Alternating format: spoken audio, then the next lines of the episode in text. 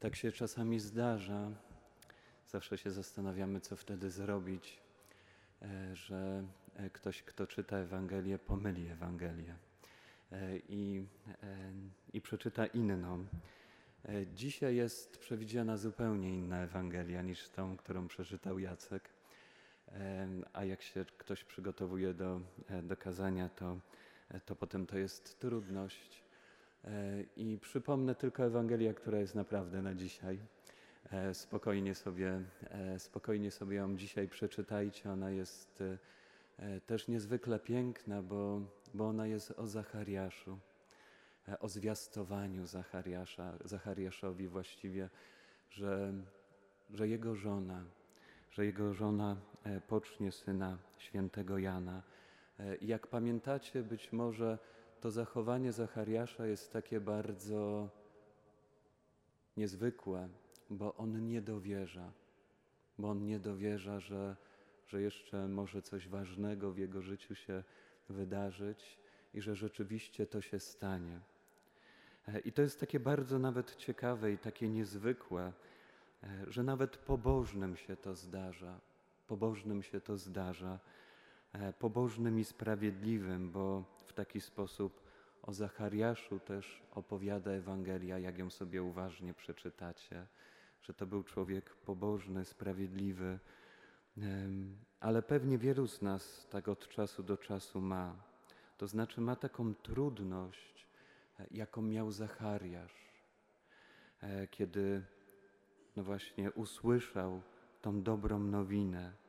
Ta trudność polega na tym, żeby przyjąć dobrą wiadomość żeby umieć przyjąć dobrą wiadomość. I być może czasami właśnie z tego powodu, że przyzwyczailiśmy się do tego, że wszystko idzie źle i że właściwie powinno tak trochę iść źle, nie potrafimy przyjąć tej dobrej wiadomości. A jeżeli coś nam dobrego się wydarzy albo coś dobrego o nas mówią, to my nie jesteśmy w stanie uwierzyć że nie jesteśmy w stanie uwierzyć, że, że ta dobra wiadomość jest dla nas. I weź, wydaje mi się, że warto się w tym ćwiczyć, żeby słyszeć i żeby też przyjmować dobre wiadomości, a mamy do tego rzeczywiście okazję nieraz, ponieważ e, Ewangelia to dobra nowina i to dobra wiadomość. Zawsze, kiedy ją otwieramy i zawsze, kiedy patrzymy na Chrystusa, zawsze, kiedy słuchamy Chrystusa, to to my słyszymy dobrą wiadomość, dobrą nowinę. I dopóki tego nie usłyszymy, tego nie odnajdziemy, to mamy czytać ją raz jeszcze i raz jeszcze.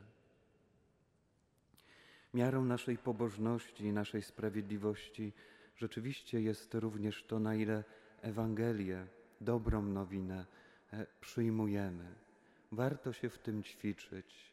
I myślę, że najpierw warto zobaczyć, bo to domaga się w nas nawrócenia, jak bardzo jesteśmy zamknięci, jak bardzo jesteśmy uwikłani w takim kokonie złego myślenia, jak bardzo wierzymy naszym złym myślom, jak bardzo wierzymy naszym złym myślom o sobie, o przyszłości, o tym, co się w naszym życiu dzieje, że jestem zły, że nic dobrego nie może mnie spotkać, że wszystko, co mogę usłyszeć, to z pewnością nie będą dobre wiadomości.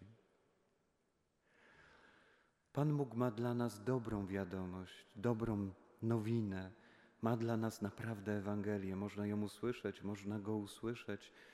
Wiemy o tym, że dla Boga nie ma nic niemożliwego, szczególnie wtedy, kiedy już się przyzwyczailiśmy, że, że wszystko idzie źle i że nie czekają na nas dobre wiadomości.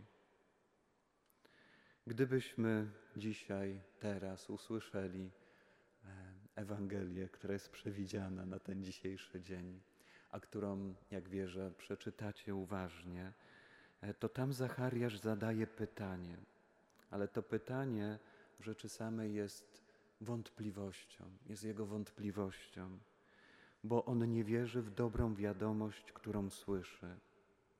Ale jutro, jeżeli tak się zdarzy, że diakon przeczyta dobrą Ewangelię, e, to Maryja przy zwiastowaniu również zada pytanie.